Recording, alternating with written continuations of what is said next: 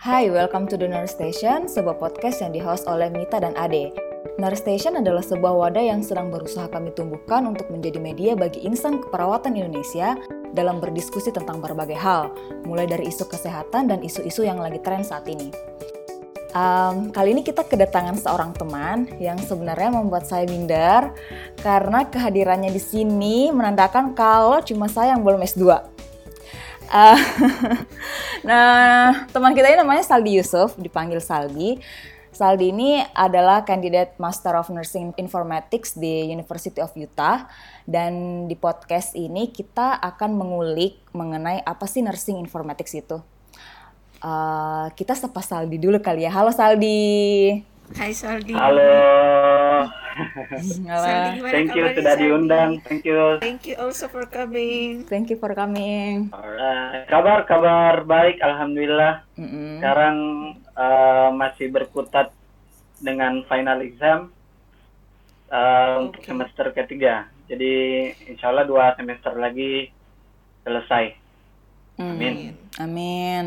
Posisi saat ini ada di Indonesia. Posisi sekarang di Indonesia di Makassar. Oke. Lagi pulang untuk summer break. Heeh. Eh, ada sih eh, apa namanya eh, summer semester tapi online karena covid. Hmm. It's kind of interesting sih. Um, bagi proses perkuliahan selama COVID Iya. gimana?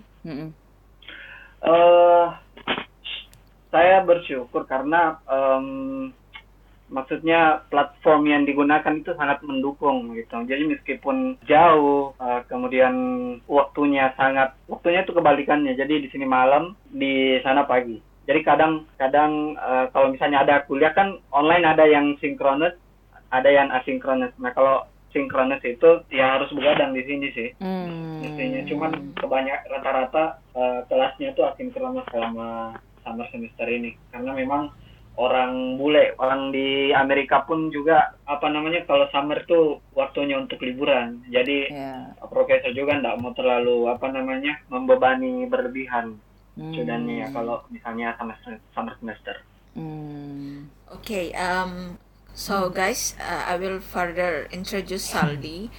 Jadi selain Saldi ini adalah uh, kandidat for Master of Nursing Informatics di University of Utah, Saldi ini sebenarnya punya banyak sekali prestasi dari mulai S1 sampai sekarang. Di zaman-zaman S1 itu Saldi bagian dari um, pengurus harian nasional Ikatan Lembaga Mahasiswa Ilmu Keperawatan Indonesia atau Wow. PHN Ilmiki. Uh-uh. Terus juga, Kamita juga. di di BEM apa himpunan Saldi di UIN Alam kemarin di himpunan Di himpunan, ketua himpunan. hmm, ketua himpunan Nah, ketua himpunan di UN Alauddin uh, Makassar dan menjadi presiden Permias UTA, Persatuan Masyarakat Indonesia eh mahasiswa Mahasiswa. Indonesia Amerika mahasiswa. Serikat. Uh-uh. Presiden lo guys. Presiden Wow. guys. biasa aja sih kalau permias kan apa namanya PPI itu kan yang jelasnya kita menghimpun orang-orang yang mus- yang sekolah biar tidak stressful dengan kegiatan kuliah kampus Hmm. ya But you still have time like on on my time itu kayak yang I don't want to involve in PPI karena menurut menurutku kayak apa nih enggak agak nggak sanggup gitu. oh um for me if I'm not in organization I'm gonna be stuck and going crazy Hmm. jadi mungkin sejak dulu organisasi Oh, adalah ini- bagian dari Mm-mm. diri jadi kalau nggak ada organisasi semacam ada yang kurang Jadi you quite extrovert lah ya.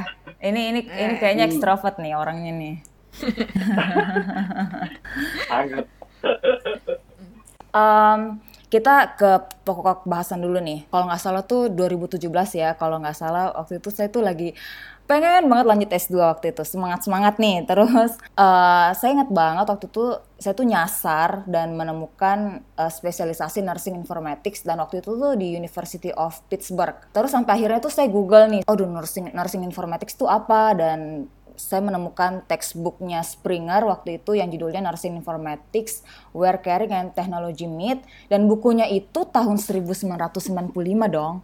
Dan itu tuh udah lama banget kan waktu itu dan uh, sebenarnya nursing informatics itu udah ada sejak zaman dahulu kala di US. Nah, Sali bisa kasih gambaran dulu nggak nursing informatics itu sendiri seperti apa? Ya, uh, mungkin sedikit uh, sejarah sih. Hmm. Jadi kalau nursing informatics itu sebenarnya uh, awalnya juga ada di uh, ilmu informatika secara umum. Kemudian masuk ke medical informatics di tahun 70-an. Nah, kebetulan uh, founding father medical informatics atau biomedical informatics itu di University of Utah. Hmm.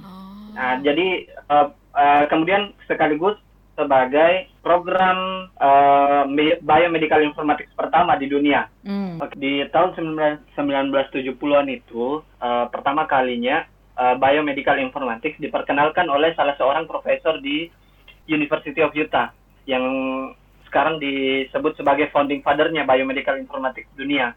Nah, mm. uh, seiring berjalannya waktu di tahun 92 dengan kebutuhannya uh, tenaga kesehatan dengan atau bidang kesehatan dengan perawat informatika atau nurse informaticis uh, mulai berkembang uh, profesi atau spesialisasi nursing informatics. Makanya sudah mulai dibuka program nursing informatics di University of Maryland. Hmm. Nah, beberapa bulan kemudian dibuka di University of Utah. Nah, nah, sampai sekarang kalau kita searching the best nursing informatics program in the world, uh, nomor satu itu University of Maryland. Hmm. Karena Tapi memang dia yang pertama, gitu kan. Oh. Uh, selanjutnya Utah. Hmm. Nah, cuman uh, di Maryland itu dia ndak offer uh, in person class, jadi online. Hmm. Jadi uh, kalau anak beasiswa kayak saya kan nggak boleh ambil online. Oh, jadi cuman ada di yang yang in person itu nursing informatics cuman di Michigan dengan di Utah. Hmm. Oke, okay, but then Saldi, hmm. kenapa ambil spesialisasinya itu bidang nursing informatics? Kan mostly kalau misalnya yang dari Indonesia itu yang kayak yang medical bedah, public health. So why nursing informatics? Why nursing informatics? Karena hmm, saya cuma melihat peluang sih juga dan uh, mencoba memproyeksi diri kira-kira ke depan seperti apa. Hmm. Awalnya kan uh, lulus di Jepang ambil public health informatics. Uh, profesor hmm. sudah ada, kampus sudah ada, tinggal berangkat. Cuman uh, setelah melihat uh, searching-searching dan melihat tren, kok ke depannya IT atau digi digital health ini mungkin akan emerging, akan akan sangat berkembang gitu. Dan ternyata spesialisasinya sekarang ada, yang sekarang hanya ditawarkan uh, di Amerika. Ada banyak sih, ada ada health informatics di UK, ada di Australia, tapi khusus untuk nursing informatics itu cuma ada di dua negara. Okay. Jadi US di Korea Selatan ada nursing informatics di sana. Cuman kemarin uh, memang berpikir untuk mencari ilmunya dan keahliannya mungkin bagusnya akan langsung ke Amerika saja waktu. Oke, Saldi itu kayak menarik gitu balik lagi ke zaman zaman pas masih kuliah itu saya sama adik kan terlibat di English debat dan kita sering dapat motion tentang kesehatan gitu. Biasanya sih kayak yang mhm. motion related kesehatan related to technology kayak telemedicine telehealth and so on. Nah I am I'm so curious ini sebenarnya apa sih gitu perbedaan antara nursing informatics dan health informatics apakah health based app seperti Halo Dokter, Halodoc itu termasuk health informatics atau gimana Saldi? Hmm. Jadi uh, per perbedaan mendasar dari nursing informatics dan health informatics adalah dari scope dan pekerjaannya. Kenapa disebut dengan nursing informatics? Karena we will work on data about patient. Jadi semua tentang patient. Jadi tujuannya adalah patient. Uh, outcome-nya patient, kemudian efisiensi, kemudian perawat. Jadi fokusnya nurse informatik itu hanya sekitar itu. Hmm. Yang fokusnya. Namun sebenarnya kita ada sekitar 15 sesuai dengan apa namanya esensial masternya Amerika itu ada ada kita bisa lebih luas. Cuman core dari nursing informatik itu fokus ke patient, patient outcome. Hmm. Jadi kalau health informatik itu lebih umum, misalnya administrasinya, kemudian uh, hmm. aplikasinya dan segala macam. Kalau nursing informatics itu mostly about patient data.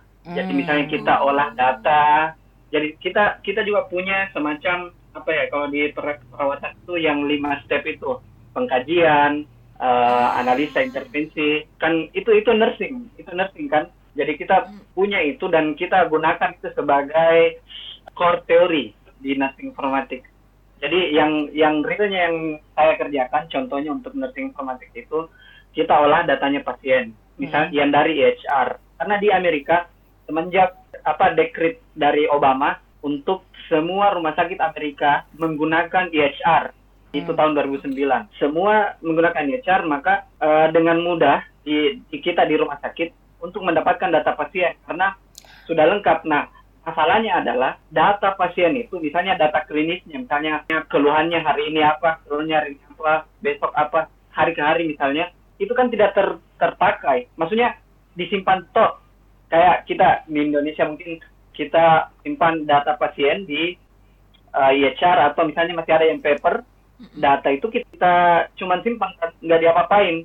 Padahal data itu bisa menjadi quality me- measurement. Bisa dilihat ketergantungan pasien kemudian bisa dilihat uh, tren uh, keluhan di bulan ini Hmm. Eh, ada ada banyak. Eh, contoh yang kemudian kalau health informatics itu lebih ke arah administrasi. Jadi tidak ada ini juga yang penting. Tidak ada yang lebih tahu pasien selain perawatnya selain perawat. Jadi yang bermasalah misalnya kayak data-data eh, pasien mau diolah oleh orang yang bukan perawat. Pasti mereka ada kecenderungan misinterpretasi dengan data-data yang ada kan? Karena mereka tidak ada basicnya. Hmm. Mungkin itu sih secara umum Hmm. Ini kayaknya nyambung deh dengan pertanyaan saya selanjutnya. Um, saya tuh kayak pernah mereview uh, SIM RS di rumah sakit tempat saya bekerja. Jadi mungkin kalau kayak Saldi itu namanya medical record ya. Jadi kalau istilah dari Kemenkes itu kan SIM RS tuh, Sistem Informasi Manajemen Rumah Sakit. Dan waktu itu tuh aplikasinya tuh kayak belum user friendly gitu loh Saldi. Karena aplikasinya, karena kita tuh kayak berhadapan sama orang IT. Karena di, di develop oleh orang IT. Nah, eh, jadi kayak ada pengkajian yang kayak tumpang tindih sama dietitian, terus ada kayak harus nginput dua kali, padahal datanya sebenarnya udah ada, terus em, diagnosa keperawatan pun juga eh, belum belum terlink dengan data-data yang eh, masuk. Pertanyaan saya tuh kayak gini, eh, apakah memang nurse eh, nurse itu benar-benar meter begitu? Kenapa sih kita nggak desain aja terus nanti eksekusinya dikasih ke IT? Kenapa mesti eh, harus nurse-nya yang melakukan eh, bidang IT-nya? Mhm. Iya, jadi eh, seperti untuk yang tadi dulu yang soal pengalamannya Kak Ade Mm-mm, mereview CMRS. mm-mm, Iya, jadi eh, betul CMRS itu Electronic Health Record atau EMR, Electronic Medical Record. mm-mm, mm-mm. Nah, eh, kenapa tumpang tindih? Padahal sebenarnya teknologi itu untuk membantu, bukan malah bikin ribet. Ini kan kalau misalnya eh, dietitian input ulang, perawat input ulang, itu kan kerja dua kali, malah Iya. bikin repot. Yes, yes. Hmm, Yes. Padahal kaidah awal eh, teknologi adalah people assisted with technology is better than people unassisted. Iya, iya. Jadi Ya, eh, orang ah, ah. Exactly. eh, eh, bentar kalau eh, kalau misalnya kayak di rumah sakit ya, misalnya kayak gitu tuh, ade ade ini gimana deh, ini kok kayak gini? Ah, enggak kak, enggak enggak. Teknologi itu dibangun untuk membantu kita, jadi pasti ada jalannya kak, pasti ada jalannya. Iya, iya itu tuh harus eh, itu mindsetnya sih kalau eh terus terus. Terus terus.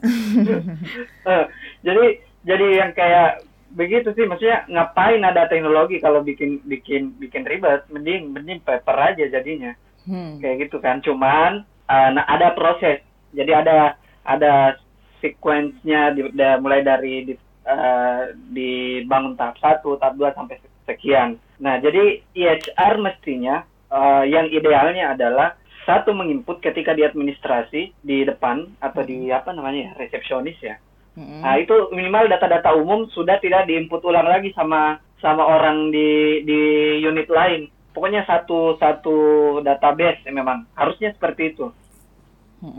Iya, jadi jadi itulah yang mungkin akan nanti mungkin di akhir kita ada ada level-level EHR. Dan kemudian temuan saya juga di di rumah sakit di Indonesia. Sekarang menjawab dulu yang kedua tadi. Mm-mm. in this case uh, is nurse really matters.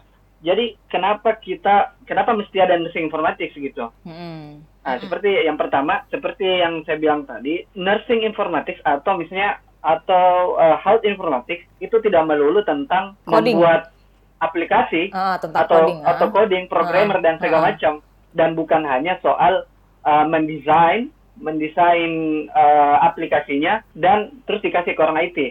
Hmm. Everyone can do that, right? Uh, meskipun bukan perawat yang suka IT, meskipun orang yang backgroundnya bukan kesehatan pun kalau sudah berpengalaman di rumah sakit mungkin bisa mendesain itu. Tapi kenapa butuh perawat informatik? Karena yang dibutuhkan adalah orang yang mengerti betul-betul uh, lahan yang pertama dari dari klinis dia betul-betul mengerti bahwa yang dibutuhkan untuk klinis alurnya sudah ada di kepalanya. Ah, itulah kenapa di di US tidak ada uh, nursing informatics di S1 atau um, misalnya hanya ada mata kuliah, tidak ada S1 nursing informatics langsung. Soalnya nursing informatics butuh basic knowledge of nursing pertama. Hmm. Iya, dan dan yang akan diolah itu adalah data, bukan bukan bukan hanya uh, membuat aplikasi, coding dan segala macam, tapi kita akan olah data. Bagaimana kita membuat data itu menjadi informasi. Kan ada banyak data. Nah, itu sebenarnya informatik itu beda dengan apa namanya? developer ya. Ada informatician, ada ada developer. Kalau developer yang bikin apa namanya aplikasinya. Kalau informatician yang mengolah datanya. Jadi kita sebenarnya nursing informatik itu dekat-dekat dengan data science. Hmm. Nah, jadi kita lakukan analisis data, eh, kita retrieve data, kita store data, yang seperti itu sih. Jadi jadi informasi misalnya data tentang tekanan darah, ya semua udah semua semua sudah bisa mengakses tekanan darah itu. Oh ini tinggi tekanan darahnya. Tapi yang mengcompile data itu, misalnya tekanan darah dihubungkan dengan gejala klinisnya dan segala macam, terus dibikin laporannya. Itu semua pekerjaan pekerjaannya perawat informatik. Misalnya juga ya, contoh real kita itu bisa menentukan jadwal shift dari perawat berdasarkan dari nursing order atau misalnya apa ya nursing order itu di Indonesia atau apa namanya eh, intervensi kayaknya intervensi keperawatan yang dimasukkan ke EHR. Nah, kita bertugas di keperawatan informatik itu untuk mengubah ada berapa banyak orang yang misalnya butuh kateter, kemudian cuma butuh dimonitor seperti biasa. Itu kan sudah berbeda memang kebutuhan perawatnya. Hmm. Jadi, Jadi kita analisa, jadi per- ruangan ini ada 100 atau misalnya ada 10 eh, orang yang akan dipasangkan Kateter. kateter. Hmm. Nah, otomatis peruangan tersebut akan lebih membutuhkan perawat lebih Hmm. lebih banyak atau shift yang lebih bagus dibanding dengan yang hanya monitor. Hmm. Hmm. Jadi data-data itu yang kita keluarkan ke manajemen atau ke eh, apa namanya care manager. Oh, berarti bisa di di level manajerial juga berarti ya? Ya betul kak. Hmm. Iya, soalnya kayak gini loh. eh, Jadi kayak berhubungan dengan bor-bor ruangan juga ya. Soalnya kayak gini. Kalau dari pengalaman ya kayak eh, di rumah sakit saya tuh kayak tiap shift tuh ada yang dibilang manager of dati. Jadi dia tuh kayak keliling. Dia dia, dia tuh pantau eh, ini ruangan eh, si ruangan ini eh, perawatnya berapa, pasiennya berapa. Kalau misalnya ada ruangan lain yang kurang kurang eh, pas- pasiennya kurang atau kelebihan tenaga, dia tuh akan mobile, mobilein eh, tenaganya tuh ke situ. Jadi mungkin kalau dengan sistem informasi seperti ini tuh dengan nursing informatik seperti ini itu kita udah nggak nggak nggak perlu buang-buang tenaga lagi buat Exactly. iya buat keliling rumah sakit yang luas, tapi kita bisa cuma lihat di layar. Oh kayaknya di sini deh. Oke, main telepon. Betul. Eh, ini nih bantu ini sih. Eh, eh, iya, iya, tahu tahu tahu. Hmm, Benar-benar membuat pekerjaan lebih mudah sebenarnya. Iya, prinsip. tapi tapi the biggest questionnya sebenarnya kan kalau misalnya di US itu kan memang berkembang udah berkembang banget. Tapi Saldi possibility untuk dikembangkan di Indonesia bisa nggak sih kak Saldi? Terutama mungkin kita ngomong ke Indonesia Timur mungkin ya. Hmm, Bisa nggak sih Saldi sebenarnya? Nah ini sih ini sih alasan kemarin saya mengajukan magang ke profesor. Dan profesor memang merekomendasikan magang di Indonesia biar apa namanya bisa adjust dan adaptasi dengan uh, sistem yang ada di Indonesia. Karena temuan saya di salah satu rumah sakit di Sulawesi Selatan misalnya uh, kita berbicara tentang level EHR level EHR dari rumah sakit yang tempat saya magang ini itu ada di level 2 menuju 3 sedangkan level EHR di tempat saya di rumah sakit saya di University of Utah Hospital itu level 7. Hmm. Jadi kayak terlalu jauh gapnya. Nah, hmm. uh, ya level 2 seperti apa? Jadi gambarannya level 2 itu semua basic administrasi, billing, kemudian order elektronik itu sudah ada. Yeah. Tapi uh, klinis, data klinis belum dimasukkan semua ke HR. Masih ada yang paper. Misalnya laporan integrasinya masih paper atau uh, hasil lab? Enggak ya, beda ya. Beda lagi ya? Ya hasil, hasil lab itu harus harus ada di basic, itu hmm, di level 1. Hmm. Kalau hasil lab sudah elektronik itu level 1. Hmm. Nah, kalau misalnya di US contohnya yang di rumah sakit saya level 7 itu bahkan IHR-nya sudah terkoneksi dengan rumah sakit lain dan misalnya puskesmas atau primary care, misalnya discharge planning dan butuh rawat jalan, orang di puskesmas ceritanya tidak mesti lagi input data ulang, kemudian lihat lagi apa yang tanyakan lagi apa gejalanya yang yang masa lalu atau sudah sakit apa kemarin, apa yang dirasakan terakhir. Itu kan sudah ada tinggal tinggal ngambil data dari rumah sakit. Oh, ini dulu. Oh, ini alerginya. Ini obat-obat yang tidak bisa saya kasihkan. Iya. Ah, di akhirnya lebih efektif primary care atau puskesmasnya dan semua itu bisa, bisa namanya interoperable. Mm-hmm. Jadi bisa dibawa ke community setting berarti? Iya sih, tepat sekali. Bisa-bisa banget hmm. kak kalau itu. Tapi kalau untuk community dan apa namanya nursing arahnya ke itu sih ke primary care itu apa namanya perbaiki rawat jalan, kemudian ada juga apa namanya public health informatik. Jadi misalnya hmm. kalau public health informatik itu masuk juga di community informatik itu kita jadi kayak semacam data, misalnya data satu bulan terakhir peningkatan uh, pasien diare di tiga rumah sakit. Itu kan sudah ketahuan. Nah, berarti yang di dinas kesehatan sudah bisa mencurigai, oh ada misalnya outbreak atau ada atau ada ah, yes, itu kan yes. sudah sudah sudah bisa diakses saja di datanya. Hmm, jadi sangat applicable Ini. juga ya buat community setting. Oh, iya sih. Hmm. Jadi bisa terintegrasi gitu ya. Jadi uh, ke, dari primary ke secondary ke tertiary gitu ya. Hmm. Hmm. Jadi orang nggak nggak mesti input nama lagi, maksudnya tinggal cari record. Bahkan sekarang uh, arahnya ke depan itu uh, pasien patient health record. Jadi pasien bisa akses di handphonenya masing-masing. Hmm, jadi jadi kalau dia mau pindah dokter atau pindah ke misalnya dari Utah ke New York tinggal kasih nomornya itu kan sudah terkoneksi semua datanya. Hmm. Nah itulah yang kita pelajari di Pan Nursing Informatics tentang uh, data data exchange. Nah data exchange itu yang berat itu adalah misalnya rumah sakit ini kode untuk penyakit diare misalnya 12 AB. Sementara di rumah sakit lain kodenya adalah 124 BC. Nah uh, perawat informatik juga yang mentransfer data itu yang yang namanya kita mapping menggunakan standar internasional. Mungkin kalau ICD 10, ICD 9 sudah yeah. digunakan ya yeah. di rumah sakit. Mm-hmm. Nah, ya seperti itu juga kerjaannya kita di informatik. Iya, karena standar, itu standar, akan karena, sangat berguna buat buat penagihan BPJS. Mm-hmm. yeah. Harusnya lebih dari BPJS. Harusnya uh, bisa digunakan untuk lebih bermanfaat lagi oh, datanya. Okay. Soalnya kita itu di kesehatan uh, expert uh, informatics bilang we we are rich about data, but we are poor about information. Data banyak, tapi untuk menjadikan itu informasi yang bermanfaat, yang bermakna, tidak. Nah, itulah di situ perannya nursing informatik, nursing informatik salah satunya. Menjadikan data itu menjadi informasi supaya hmm. orang paham. Exactly, mm -hmm. menurut uh, for me like itu kayak masalah utama di Indonesia like we have many data, tapi kita nggak tahu interpretasi mm. data ini mau kayak gimana dimanfaatkan juga kayak gimana. Jadi ya semoga segera lulus lah Saldi. Iya. balik yeah. ke Indonesia. Data amin. Amin amin amin amin. Terus sih. Jadi saya sebenarnya cari kawan juga. Kalau yang ada tertarik di nursing informatik kita punya forum Indonesian Nursing Informatics Forum.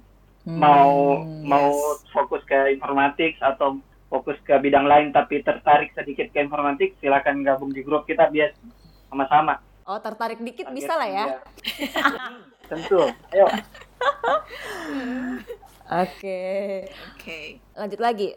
Jadi eh, dari kalau dari pengalaman juga nih, keuntungan dari Simeres itu kan paperless lah ya. Tapi untuk beralih dari paper based ke komputer based kan juga nggak sebentar. Butuh penyesuaian ritme kerja. Jadi misalnya kayak belum lagi kalau perawatnya udah banyak yang mau pensiun misalnya, terus masih ada yang ngetik pakai dua jari misalnya, tapi mereka harus uh, get to use dengan komputer. Jadi uh, tantangan nursing informatics di Indonesia itu seperti apa sih selain usernya nih ya, selain usernya karena kalau di kalau kan semua orang harus pakai komputer tuh untuk input uh, SOAP ya, SOAP ya, uh, subject, object, uh, planning apa sih, oh, intervensi sama evaluasi.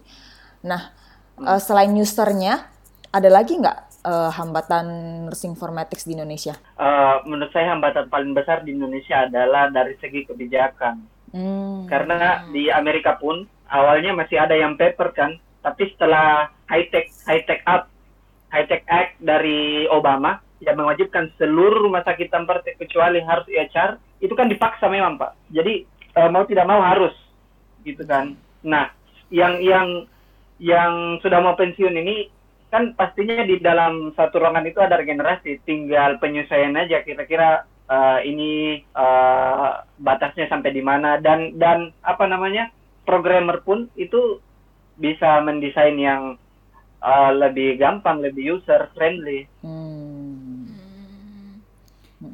Iya sih. itu sih itu, itu tantangan pertama tantangan kedua eh, adalah dari biaya rumah sakit karena saya perhatikan di Indonesia kalau mau pakai IHR itu di subskripsi dari luar negeri saya eh, rumah sakit yang tempat saya magang satu berapa m ya untuk untuk me- mengimplementasi IHR itu nah itu kan bukan uang sedikit dan tidak semua rumah sakit bisa menjangkau itu Mm-mm. akibatnya rumah sakit masing-masing bikin Hmm. dengan sumber daya yang ada.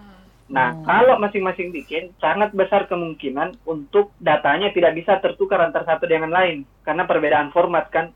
Nah, cuman eh, menurut saya tidak ada masalah bikin sendiri. Yang penting itu perlu eh, dilibatkan teman-teman yang sudah tahu misalnya di health informatics biar ke depannya akan lebih mudah gitu. Hmm. Jadi kayak memang tantangannya itu kayak tantangan basic banget ya untuk negara-negara berkembang in terms of economy and policy ya sudahlah. Iya. Oke, next.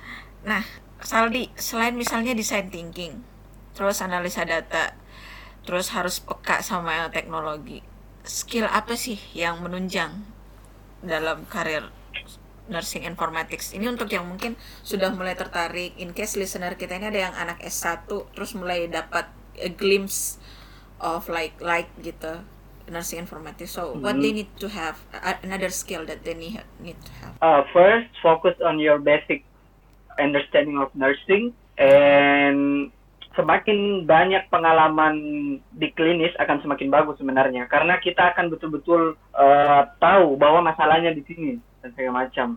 Yang kedua adalah project management atau leadership lah karena orang yang bekerja di nursing informatics itu project based. Jadi misalnya hari ini kita project untuk pembuatan uh, media edukasi untuk perawat. Ah, jadi uh, project-projectnya itu jadi kayak harus ada juga timeline, gitu, timeline, uh, bikin meeting, Hmm. Ya semacam itulah. Itulah skill-skill skill dasar. berarti mereka kita at least skill dasar di nursing dulu ya yang at least Fundamental of Nursing Kamita. baiklah Fundamental Nursing 1 sama Fundamental Nursing 2 itu bukunya harus hatam dulu Kamita.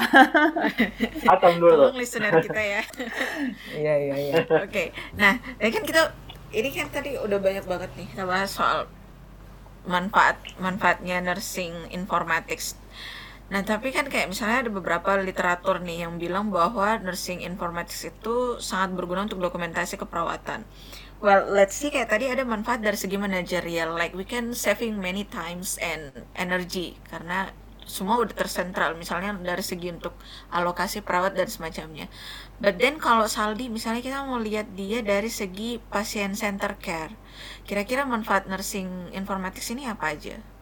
Kalau yang pasien center care sih ini lebih ke arah yang kayak contoh yang tadi sih. Karena dengan misalnya kalau rumah dia sudah periksa misalnya X-ray di rumah sakit A, kemudian uh, dua minggu kemudian pindah rumah sakit, eh keluar dari rumah sakit kemudian pindah masuk kemudian rumah sakit baru lagi.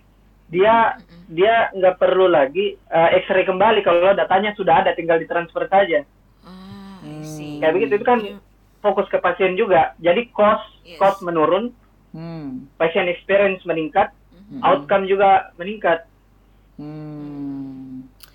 So, if we can predict nih Saldi, um, kira-kira kapan Indonesia bisa menerapkan nursing informatics at least mendekati yang ada di US misalnya? Ya level 5 dulu lah. Ya, level 5 lah, nggak usah level 7. Atau mesti banget ya It- level it- 7? Mhm. Oh bisa. Mau tidak mau kita akan mengarah ke sana kan sih? Iya. ah, ah, ah. Harusnya, harusnya kita akan mengarah ke sana. Dan dan kita di Indonesia yang saya sangat kagum adalah kita tidak kekurangan programmer. Hmm. Programmer di Indonesia itu keren-keren. Bahkan Hmm. kalau saya melihat uh, desainnya juga kan di di di programmer atau di IT ada namanya UX UI designer. Iya. Itu orang Indonesia keren-keren sih. Hmm.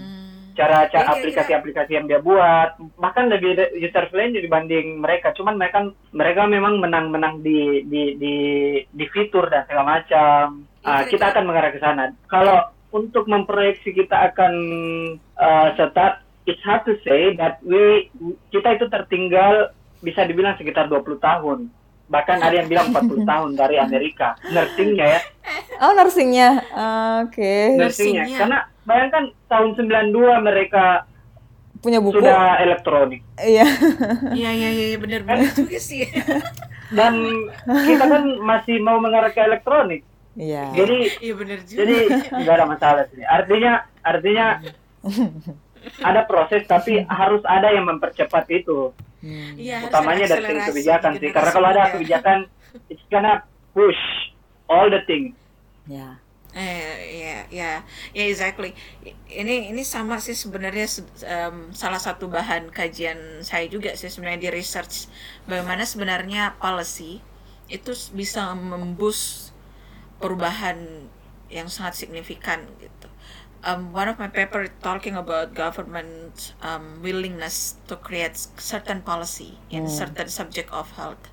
Ya, hopefully ya itu tadi gitu. 92 Amerika udah elektronik, guys. Ini 2020. Iya. Iya iya iya. Apalagi kalau dengan eh, pandemi seperti ini ya, jadi kayaknya eh, data itu Yes. sangat-sangat harus dikolek baik-baik ya Saldi ya. Hmm. Oke, eh, oh satu lagi nih pertanyaan nih. Eh, tadi saya lupa, seharusnya sih di awal sih pertanyaan ini.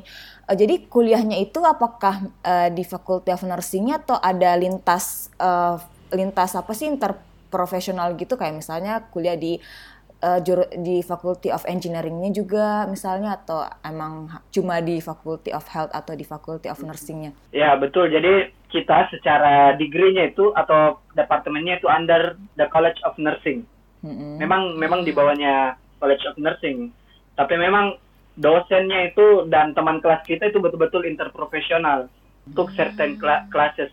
Eh, misalnya kayak eh, saya belajar computer science for nursing. Nah, jadi eh, dosennya itu orang IT. Hmm. Kita belajar programming, belajar, belajar bahasa bahasa pemrograman, Python, HTML, CSS, Oh, jadi harus kuat aljabar tek- nih kayaknya. teknik. Hmm. Hmm, ya, oh. Iya, saya kan iya. saya kan menghindari matematika awal-awal kan. Kenapa dapatnya ya betul-betul harus paham matematika dasar lagi gitu. Ya ya ya ya. Terus dosen kita juga ada dari bisnis. Nah, yang menarik itu ya eh, dari segi consumer adalah- ya. Karena kita kan menjual produk, saya menjual apa namanya menjual jasa, ya kan sebenarnya. Betul, betul, Nah, betul. hmm, Jadi di- dosen-dosen kita ada yang dari dari bisnis. Jadi hmm, eh, dan setiap dua minggu sekali kita ada kelas.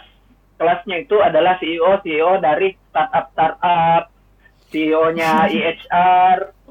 Wow. Jadi ada sisi lain karena banyak juga nurse informatik yang kerja di dia bikin startup, dia bikin dia kerja di 3M, Cerner, Epic, terus kerja di apa namanya perusahaan uh, Microsoft Health, Hmm. Apple Health, ada juga Hmm. Google, ada juga yang ke sana. Hmm. Dan menurutku ini ini penting sih gitu ya karena for me like um, nursing student itu terutama yang masih undergraduate itu kayak mereka masih konvensional banget sih kayak yang opsinya itu cuman kalau nggak jadi pendidik dosen misalnya ya kerjanya di rumah sakit tapi yang kayak yang selalu dibilang tadi gitu ternyata ada banyak opsi guys you can start a startup Iya. you can work in Apple and Google and Microsoft Iya banget banget betul betul.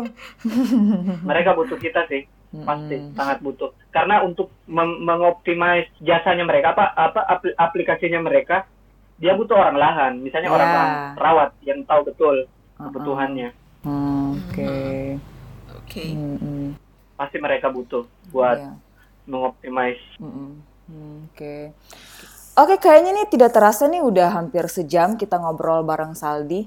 Em, kira-kira Saldi masih ada yang mau ditambahin nggak sebelum podcast kita ditutup? Misalnya setelah pulang dari US, harapan untuk eh, peningkatan nursing informatics di Indonesia seperti apa? Terus sama satu lagi nih, tolong dong kasih semangat untuk mahasiswa keperawatan untuk semakin memperlebar sayap dan memperluas wawasan. Boleh nggak? Oke. Iya. Em, mungkin saat pulang mudahan lulus tepat waktu kemudian Amin. eh, balik ke Indonesia sebenarnya sudah di ini sih diminta sama profesor buat langsung lanjut cuman Hmm. masih masih dalam tahap Wow. pertimbangan kira-kira Wah. seperti apa Mhm. Tepuk tangan juga deh. Heeh.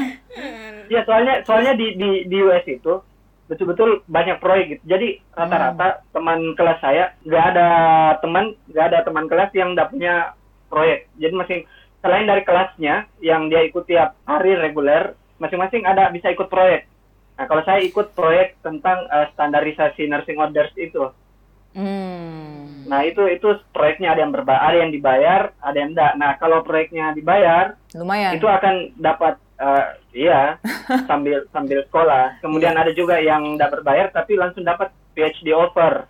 Nah, Hmm. ya, PhD-nya langsung ada beasiswanya. Ada pokoknya ada banyak kesempatan sih di Amerika. Amerika tuh land of opportunity. opportunity guys Banyak yang bilang begitu dari buku sejarah. Eh ke depannya mungkin saat ini akan fokus di forum itu kita karena kita sudah sudah koordinasi kita rencanakan membentuk himpunan perawat informatika Indonesia. Mm-mm. Kita udah kerjasama dengan Ibu Roro dari UI, ada teman-teman UI, teman-teman CEO CEO startup yang dari keperawatan, contohnya APPSK, eh, Avicenna, Mm-mm. kemudian ada yang pakai AI juga kemarin itu kita kumpul semua di Indonesian Nursing Informatics Forum biar kita punya lebih punya power gitu mudah-mudahan uh, digital health kita bisa berkembang Amin. insya Allah Ah, amin. and, and the last mungkin buat listener kita yang masih Unyu-unyu. undergraduate misalnya Sebenarnya bagaimana untuk supaya mereka kan track recordnya hebat nih Saldi Iya. aktif di berbagai organisasi permias pula who knows two or three years later ada teman kita ini udah jadi CEO ya kan Iya, benar benar benar. amin Terinspirasi oleh Yeah. episode 3 ini dari Saldi. nah kira-kira apa nih Saldi amin amin, amin. kira-kira semangat untuk anak muda terutama uh, mahasiswa keperawatan Indonesia Hmm. Kalau saya sih mungkin klasik ya, karena jangan jadi mahasiswa kupu-kupu, kuliah pulang, kuliah pulang. Hmm. You have many opportunities outside, out there, and then as long as you can grab it, ya, Mm-mm. grab it. oke Dan itu jangan apa namanya, jangan jangan terpaku, jangan sempit pikiran lah. Maksudnya dan dan sebenarnya pikiran kita itu untuk bisa lebih luas ketika kita bertemu orang. Seperti saya ketemu Kamita, ketemu Kade. Seandainya bukan Kamita yang ajak saya di Ilmiki, I'm nothing. Wah, terima kasih Wah, banyak saya, orang. saya juga jujur sih, beruntung juga sih ketemu sama Kamita. Saya ini sebenarnya juga bisa seperti sekarang Yo, sih, karena eh. Kamita juga. Terima kasih loh adik-adik sudah membuat saya makin seperti tua ya. But we shared, you know, like I do also learn a lot from you guys too, and I think that's the important karena um, ya, like Saldi said bahwa ilmu itu tidak cuma ada di kelas sih sebenarnya, bahkan banyak ilmu yang ber- berterbangan di luar. Mm. So um, Mhm. thank you very much Saldi Ya, for thank you. us. Thank you Saldi. Oke, thank Nah, you. yang, yang forum forum informatik today. ini open untuk undergraduate juga nggak Saldi? Iya, iya, kita dicoba search search di Facebook Indonesian Nursing Informatics Forum. Oke. Oke. Kita juga bakalan tulis di deskripsi ya, Ade ya. Ya, In case ada yang interest untuk Iya. join. Ah. Oke, Thank you very much, Saldi. Thank you Saldi. Um, Sampai ketemu. Oke Sampai guys, ketemu. sampai ketemu Um, kapan-kapan. Iya, Ya, safe flight, safe flight to go back to US. iya. Eh, doakan, doakan, doakan saya dong semoga bisa lanjut S2 juga kayak Saldi sama Kamita. Amin, amin, amin, pasti Amin, bisa. amin. Orang sudah berpengalaman dari dari China kemarin, Kak Ade. I- Oh iya bener. Aduh. Pertukaran pelajaran Cina. Iya, tapi kan juga COVID juga dari sana juga gimana tuh? Iya, iya, iya. Iya, oh ya. Oke. Oke. Thank you. Oke. Thank you. Um, sekian dulu podcast kita di episode 3 ini yang berjudul Get to Know About Nursing Informatics. Semoga berguna buat teman-teman semuanya. Terima kasih buat Saldi, buat Kamita. Sampai jumpa. Dadah.